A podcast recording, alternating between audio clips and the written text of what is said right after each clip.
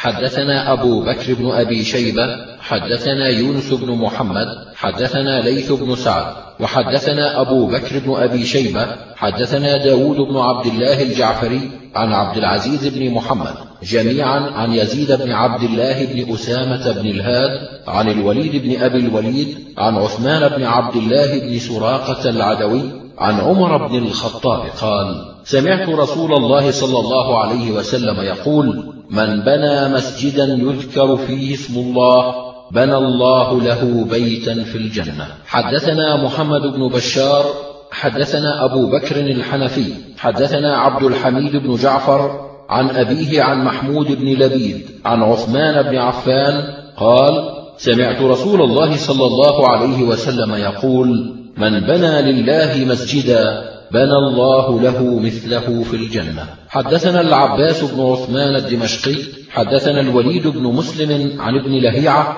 حدثني أبو الأسود عن عروة عن علي بن أبي طالب قال قال رسول الله صلى الله عليه وسلم من بنى لله مسجدا من ماله بنى الله له بيتا في الجنة. حدثنا يونس بن عبد الأعلى حدثنا عبد الله بن وهب عن إبراهيم بن نشيط عن عبد الله بن عبد الرحمن بن أبي حسين النوفلي عن عطاء بن أبي رباح عن جابر بن عبد الله أن رسول الله صلى الله عليه وسلم قال من بنى مسجدا لله كمفحص قطاع أو أصغر بنى الله له بيتا في الجنة. حدثنا عبد الله بن معاوية الجمحي حدثنا حماد بن سلمة عن أيوب عن أبي قلابة عن أنس بن مالك قال قال رسول الله صلى الله عليه وسلم لا تقوم الساعة حتى يتباهى الناس في المساجد. حدثنا جبارة بن المغلس حدثنا عبد الكريم بن عبد الرحمن البجلي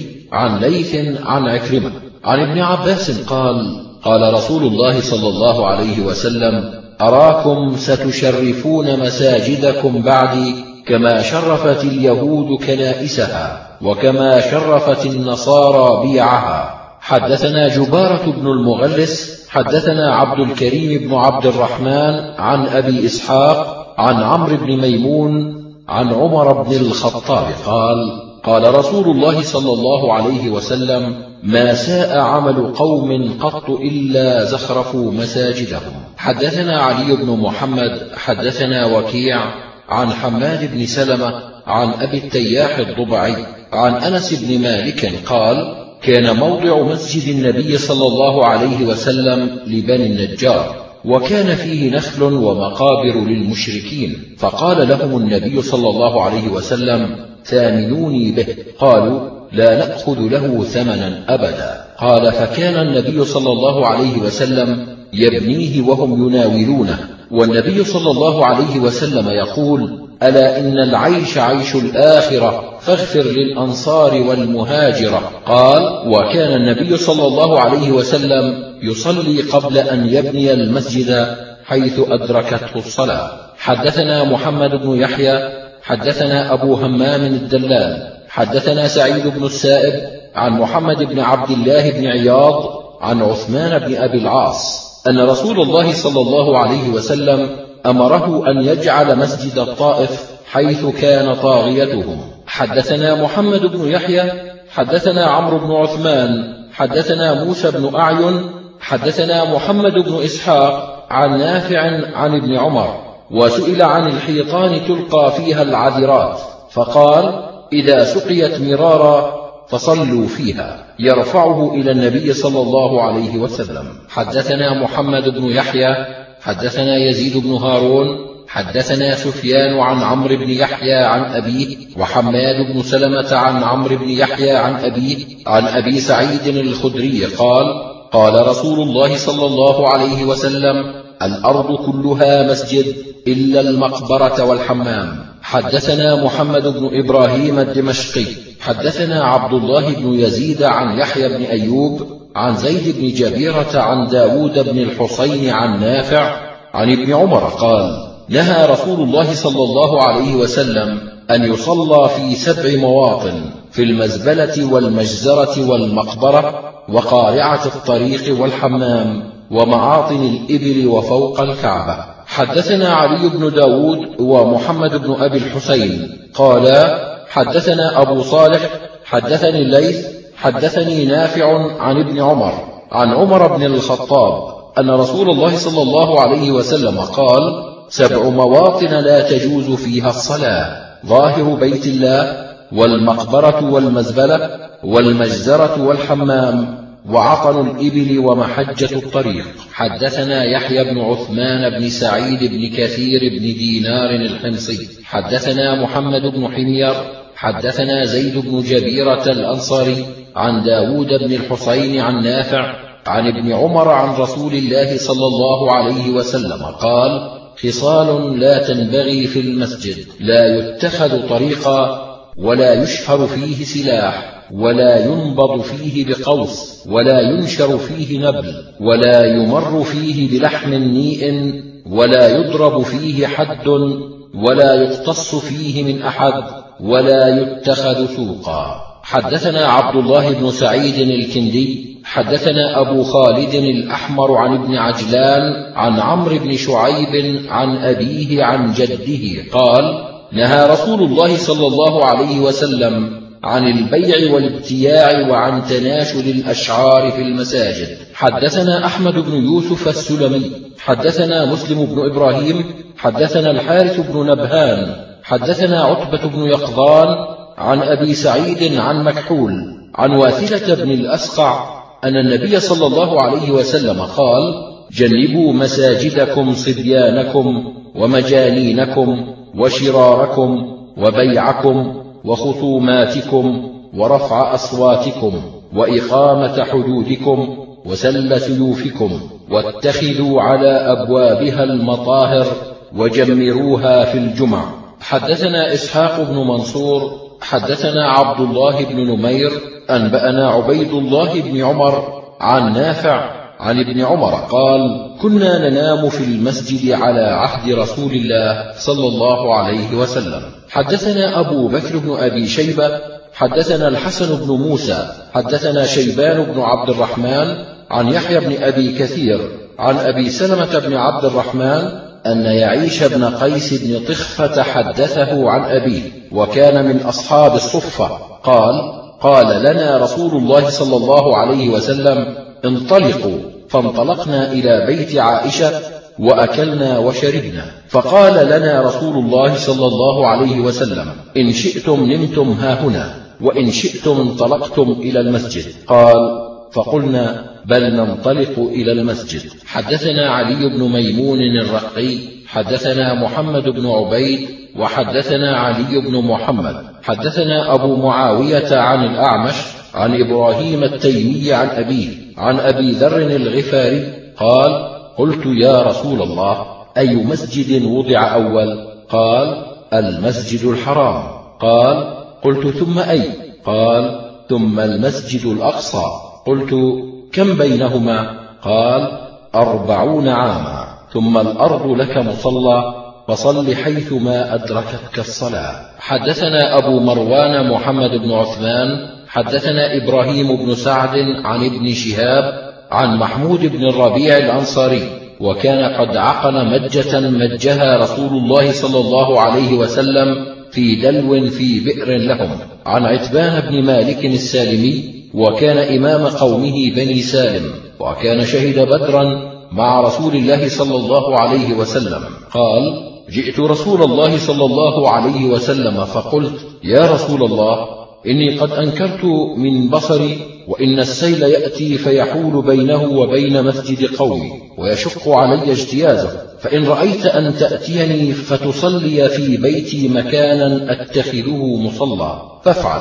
قال أفعل. فغدا رسول الله صلى الله عليه وسلم وأبو بكر بعدما اشتد النهار واستأذن فأذنت له ولم يجلس حتى قال أين تحب أن أصلي لك من بيتك؟ فأشرت له إلى المكان الذي أحب أن أصلي فيه. فقام رسول الله صلى الله عليه وسلم وصففنا خلفه فصلى بنا ركعتين ثم احتبسته على خزيرة تصنع لهم. حدثنا يحيى بن الفضل المقري حدثنا أبو عامر حدثنا حماد بن سلمة عن عاصم عن أبي صالح عن أبي هريرة أن رجلا من الأنصار أرسل إلى رسول الله صلى الله عليه وسلم أن تعال فخط لي مسجدا في داري أصلي فيه وذلك بعدما عمي فجاء ففعل. حدثنا يحيى بن حكيم حدثنا ابن أبي عدي عن ابن عون عن أنس بن سيرين عن عبد الحميد بن المنذر بن الجارود عن أنس بن مالك قال صنع بعض عمومتي للنبي صلى الله عليه وسلم طعاما فقال للنبي صلى الله عليه وسلم إني أحب أن تأكل في بيتي وتصلي فيه. قال فأتاه وفي البيت فحل من هذه الفحول فأمر بناحية منه فكنس ورش فصلى وصلينا معه. قال أبو عبد الله بن ماجه الفحل هو الحصير الذي قد اسود. حدثنا هشام بن عمار حدثنا عبد الرحمن بن سليمان بن أبي الجون حدثنا محمد بن صالح المدني حدثنا مسلم بن أبي مريم عن أبي سعيد الخدري قال قال رسول الله صلى الله عليه وسلم من أخرج أذى من المسجد بنى الله له بيتا في الجنة. حدثنا عبد الرحمن بن بشر بن الحكم وأحمد بن الأزهر قالا حدثنا مالك بن سعير أنبأنا هشام بن عروة عن أبيه عن عائشة أن رسول الله صلى الله عليه وسلم أمر بالمساجد أن تبنى في الدور وأن تطهر وتطيب. حدثنا رزق الله بن موسى حدثنا يعقوب بن إسحاق الحضرمي حدثنا زائدة بن قدامة عن هشام بن عروة عن أبيه عن عائشة قالت أمر رسول الله صلى الله عليه وسلم أن تتخذ المساجد في الدور. وأن تطهر وتطيب. حدثنا أحمد بن سنان حدثنا أبو معاوية عن خالد بن إياس عن يحيى بن عبد الرحمن بن حاطب عن أبي سعيد الخدري قال أول من أسرج في المساجد تميم الداري. حدثنا محمد بن عثمان العثماني أبو مروان حدثنا إبراهيم بن سعد عن ابن شهاب عن حميد بن عبد الرحمن بن عوف عن أبي هريرة وأبي سعيد الخدري أنهما أخبراه أن رسول الله صلى الله عليه وسلم رأى نخامة في جدار المسجد فتناول حصاة فحكها ثم قال إذا تنخم أحدكم فلا يتنخمن قبل وجهه ولا عن يمينه وليبزق عن شماله أو تحت قدمه اليسرى. حدثنا محمد بن طريف حدثنا عائد بن حبيب عن حميد عن أنس أن النبي صلى الله عليه وسلم رأى نخامة في قبلة المسجد فغضب حتى احمر وجهه فجاءته امرأة من الأنصار فحكتها وجعلت مكانها خلوقا فقال رسول الله صلى الله عليه وسلم ما أحسن هذا. حدثنا محمد بن رمح المصري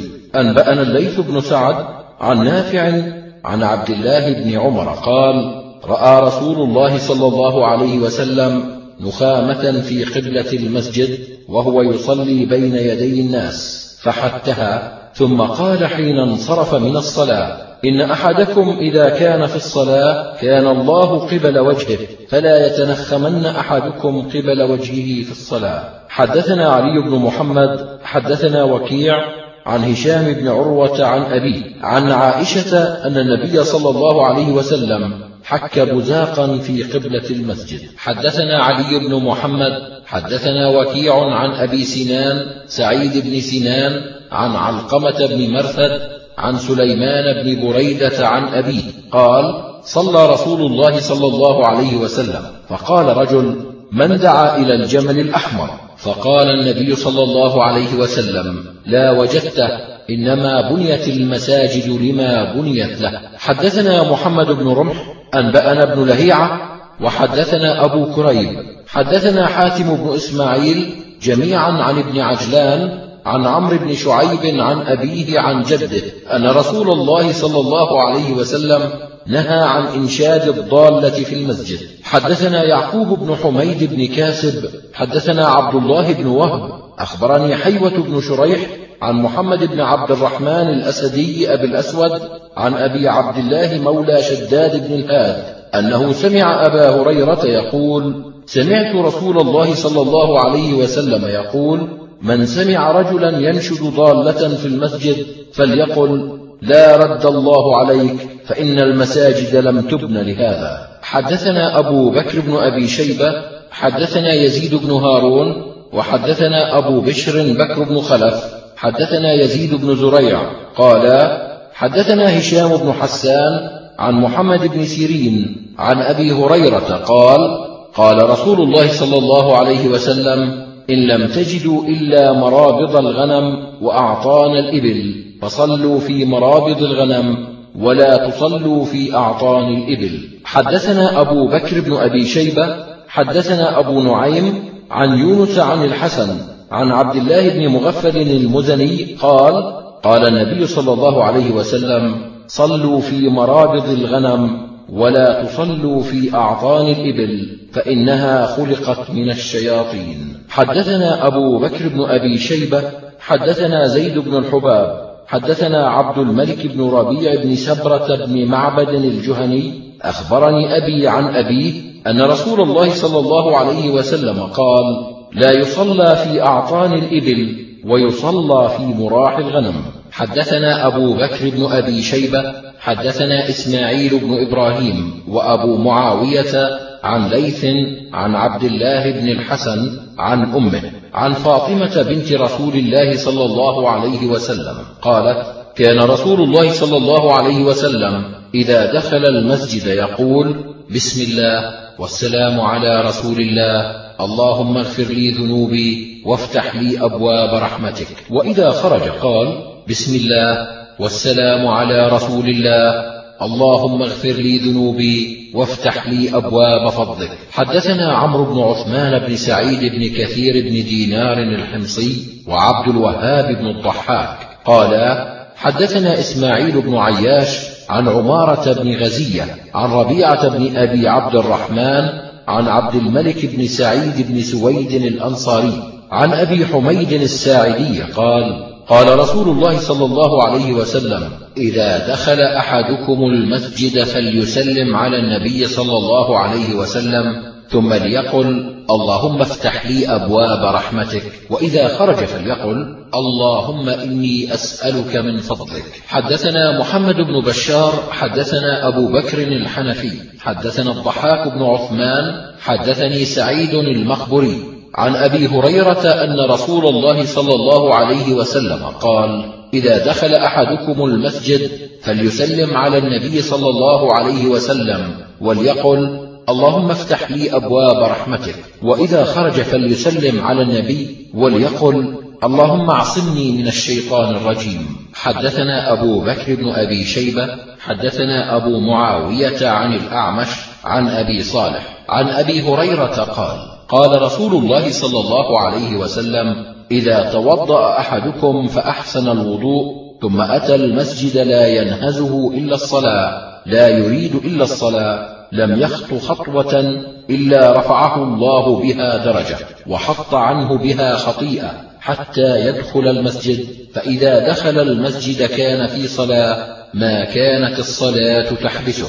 حدثنا أبو مروان العثماني محمد بن عثمان حدثنا إبراهيم بن سعد عن ابن شهاب عن سعيد بن المسيب وأبي سلمة. عن أبي هريرة أن رسول الله صلى الله عليه وسلم قال إذا أقيمت الصلاة فلا تأتوها وأنتم تسعون وأتوها تمشون وعليكم السكينة فما أدركتم فصلوا وما فاتكم فأتموا. حدثنا أبو بكر بن أبي شيبة حدثنا يحيى بن أبي بكير حدثنا زهير بن محمد عن عبد الله بن محمد بن عقيل عن سعيد بن المسيب عن أبي سعيد الخدري أنه سمع رسول الله صلى الله عليه وسلم يقول ألا أدلكم على ما يكفر الله به الخطايا ويزيد به في الحسنات؟ قالوا بلى يا رسول الله. قال إسباغ الوضوء عند المكاره وكثرة الخطى إلى المساجد وانتظار الصلاة بعد الصلاة. حدثنا محمد بن بشار حدثنا محمد بن جعفر حدثنا شعبة عن إبراهيم الهجري عن أبي الأحوص عن عبد الله قال من سره أن يلقى الله غدا مسلما فليحافظ على هؤلاء الصلوات الخمس حيث ينادى بهن فإنهن من سنن الهدى. وإن الله شرع لنبيكم صلى الله عليه وسلم سنن الهدى ولعمري لو أن كلكم صلى في بيته لتركتم سنة نبيكم ولو تركتم سنة نبيكم لضللتم ولقد رأيتنا وما يتخلف عنها إلا منافق معلوم النفاق. ولقد رأيت الرجل يهادى بين الرجلين حتى يدخل في الصف وما من رجل يتطهر فيحسن الطهور. فيعمد إلى المسجد فيصلي فيه فما يخطو خطوة إلا رفع الله له بها درجة وحط عنه بها خطيئة. حدثنا محمد بن سعيد بن يزيد بن إبراهيم التستري حدثنا الفضل بن الموفق أبو الجهم حدثنا فضيل بن مرزوق عن عطية عن أبي سعيد الخدري قال قال رسول الله صلى الله عليه وسلم من خرج من بيته إلى الصلاة فقال اللهم إني أسألك بحق السائلين عليك وأسألك بحق ممشاي هذا فإني لم أخرج أشرا ولا بطرا ولا رياء ولا سمعة وخرجت اتقاء سخطك وابتغاء مرضاتك فأسألك أن تعيذني من النار وأن تغفر لي ذنوبي. إنه لا يغفر الذنوب إلا أنت. أقبل الله عليه بوجهه واستغفر له سبعون ألف ملك. حدثنا راشد بن سعيد بن راشد الرملي. حدثنا الوليد بن مسلم عن أبي رافع إسماعيل بن رافع عن سمي مولى أبي بكر عن أبي صالح. عن أبي هريرة قال قال رسول الله صلى الله عليه وسلم المشاؤون إلى المساجد في الظلم أولئك الخواضون في رحمة الله. حدثنا إبراهيم بن محمد الحلبي حدثنا يحيى بن الحارث الشيرازي حدثنا زهير بن محمد التميمي عن أبي حازم عن سهل بن سعد الساعدي قال قال رسول الله صلى الله عليه وسلم ليبشر المشاؤون في الظلم بنور تام يوم القيامة. حدثنا مجزأة بن سفيان بن أسيد مولى ثابت البناني. حدثنا سليمان بن داود الصائغ عن ثابت البناني عن أنس بن مالك قال قال رسول الله صلى الله عليه وسلم بشر المشائين في الظلم إلى المساجد بالنور التام يوم القيامة. حدثنا أبو بكر بن أبي شيبة حدثنا وكيع عن ابن أبي ذئب عن عبد الرحمن بن مهران عن عبد الرحمن بن سعد عن أبي هريرة قال قال رسول الله صلى الله عليه وسلم الأبعد فالأبعد من المسجد أعظم أجرا. حدثنا أحمد بن عبده حدثنا عباد بن عباد المهلبي حدثنا عاصم الأحول عن أبي عثمان النهدي عن أبي بن كعب قال كان رجل من الأنصار بيته أقصى بيت بالمدينة وكان لا تخطئه الصلاة مع رسول الله صلى الله عليه وسلم. قال فتوجعت له فقلت يا فلان لو أنك اشتريت حمارا يقيك الرمض ويرفعك من الوقع ويقيك هوام الأرض. فقال والله ما أحب أن بيتي بطنب بيت محمد صلى الله عليه وسلم. قال فحملت به حملا حتى أتيت بيت النبي صلى الله عليه وسلم فذكرت ذلك له فدعاه فسأله فذكر له مثل ذلك وذكر أنه يرجو في أثره فقال رسول الله صلى الله عليه وسلم إن لك ما احتسبت حدثنا أبو موسى محمد بن المثنى حدثنا خالد بن الحارث حدثنا حميد عن أنس بن مالك قال أرادت بنو سلمة أن يتحولوا من ديارهم إلى قرب المسجد فكره النبي صلى الله عليه وسلم أن يعروا المدينة فقال يا بني سلمة ألا تحتسبون آثاركم؟ فأقاموا حدثنا علي بن محمد حدثنا وكيع حدثنا إسرائيل عن سناك عن عكرمة عن ابن عباس قال كانت الأنصار بعيدة منازلهم من المسجد فأرادوا أن يقتربوا. فنزلت ونكتب ما قدموا وآثارهم. قال فثبتوا. حدثنا أبو بكر بن أبي شيبة. حدثنا أبو معاوية عن الأعمش عن أبي صالح عن أبي هريرة قال قال رسول الله صلى الله عليه وسلم صلاة الرجل في جماعة تزيد على صلاته في بيته وصلاته في سوقه بضعا وعشرين درجة. حدثنا أبو مروان محمد بن عثمان العثماني حدثنا إبراهيم بن سعد عن ابن شهاب عن سعيد بن المسيب عن أبي هريرة أن رسول الله صلى الله عليه وسلم قال فضل الجماعة على صلاة أحدكم وحده خمس وعشرون جزءا. حدثنا أبو كريب حدثنا أبو معاوية عن هلال بن ميمون عن عطاء بن يزيد عن أبي سعيد الخدري قال قال رسول الله صلى الله عليه وسلم صلاة الرجل في جماعة تزيد على صلاته في بيته خمسا وعشرين درجة. حدثنا عبد الرحمن بن عمر رستة حدثنا يحيى بن سعيد حدثنا عبيد الله بن عمر عن نافع عن ابن عمر قال قال رسول الله صلى الله عليه وسلم صلاة الرجل في جماعة تفضل على صلاة الرجل وحده بسبع وعشرين درجة. حدثنا محمد بن معمر حدثنا أبو بكر الحنفي حدثنا يونس بن أبي إسحاق عن أبيه عن عبد الله بن أبي بصير عن أبيه عن أبي بن كعب قال قال رسول الله صلى الله عليه وسلم صلاة الرجل في جماعة تزيد على صلاة الرجل وحده أربعا وعشرين أو خمسا وعشرين درجة. حدثنا أبو بكر بن أبي شيبة حدثنا أبو معاوية عن الأعمش عن أبي صالح عن أبي هريرة قال قال رسول الله صلى الله عليه وسلم لقد هممت أن آمر بالصلاة فتقام ثم آمر رجلا فيصلي بالناس ثم أنطلق برجال معهم حزم من حطب إلى قوم لا يشهدون الصلاة فأحرق عليهم بيوتهم بالنار. حدثنا أبو بكر بن أبي شيبة حدثنا أبو أسامة عن زائدة عن عاصم عن أبي رزين عن ابن أم مكتوم قال قلت للنبي صلى الله عليه وسلم إني كبير ضرير شاسع الدار وليس لي قائد يلاومني فهل تجد من رخصة؟ قال هل تسمع النداء؟ قلت نعم. قال ما أجد لك رخصة. حدثنا عبد الحميد بن بيان الواسطي أنبأنا هشيم عن شعبة عن عدي بن ثابت عن سعيد بن جبير عن ابن عباس عن النبي صلى الله عليه وسلم قال من سمع النداء فلم يأته فلا صلاة له إلا من عذر.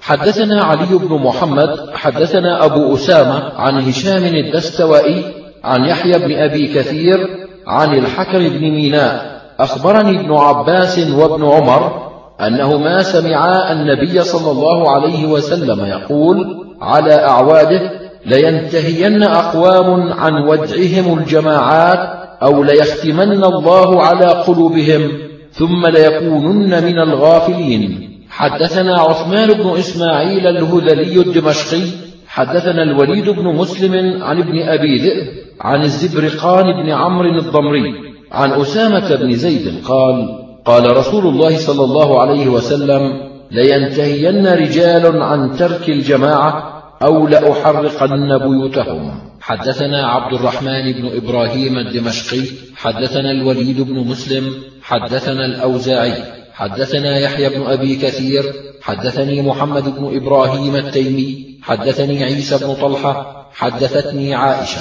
قالت قال رسول الله صلى الله عليه وسلم لو يعلم الناس ما في صلاة العشاء وصلاة الفجر لأتوهما ولو حبوا. حدثنا أبو بكر بن أبي شيبة أنبأنا أبو معاوية عن الأعمش عن أبي صالح عن أبي هريرة قال قال رسول الله صلى الله عليه وسلم إن أثقل الصلاة على المنافقين صلاة العشاء وصلاة الفجر ولو يعلمون ما فيهما لأتوهما ولو حبوا. حدثنا عثمان بن أبي شيبة حدثنا إسماعيل بن عياش عن عمارة بن غزية عن أنس بن مالك عن عمر بن الخطاب عن النبي صلى الله عليه وسلم أنه كان يقول من صلى في مسجد جماعة أربعين ليلة لا تفوته الركعة الأولى من صلاة العشاء كتب الله له بها عتقا من النار. حدثنا أبو بكر بن أبي شيبة حدثنا أبو معاوية عن الأعمش عن أبي صالح عن أبي هريرة قال قال رسول الله صلى الله عليه وسلم إن أحدكم إذا دخل المسجد كان في صلاة ما كانت الصلاة تحبسه والملائكة يصلون على أحدكم ما دام في مجلسه الذي صلى فيه يقولون اللهم اغفر له اللهم ارحمه اللهم تب عليه ما لم يحدث فيه ما لم يؤذي فيه. حدثنا أبو بكر بن أبي شيبة حدثنا شبابة حدثنا ابن أبي ذئب عن المقبري عن سعيد بن يسار عن أبي هريرة عن النبي صلى الله عليه وسلم. قال ما توطن رجل مسلم المساجد للصلاة والذكر إلا تبشبش الله له كما يتبشبش أهل الغائب بغائبهم إذا قدم عليهم. حدثنا أحمد بن سعيد الدارمي حدثنا النضر بن شميل حدثنا حماد عن ثابت عن أبي أيوب عن عبد الله بن عمرو قال صلينا مع رسول الله صلى الله عليه وسلم المغرب فرجع من رجع وعقب من عقب. فجاء رسول الله صلى الله عليه وسلم مسرعا قد حفزه النفس وقد حسر عن ركبتيه فقال أبشروا هذا ربكم قد فتح بابا من أبواب السماء يباهي بكم الملائكة يقول انظروا إلى عبادي قد قضوا فريضة وهم ينتظرون أخرى. حدثنا أبو كريب حدثنا رشدين بن سعد عن عمرو بن الحارث عن دراج عن أبي الهيثم عن أبي سعيد عن رسول الله صلى الله عليه وسلم قال إذا رأيتم الرجل يعتاد المساجد فاشهدوا له بالإيمان. قال الله تعالى إنما يعمر مساجد الله من آمن بالله. الآية.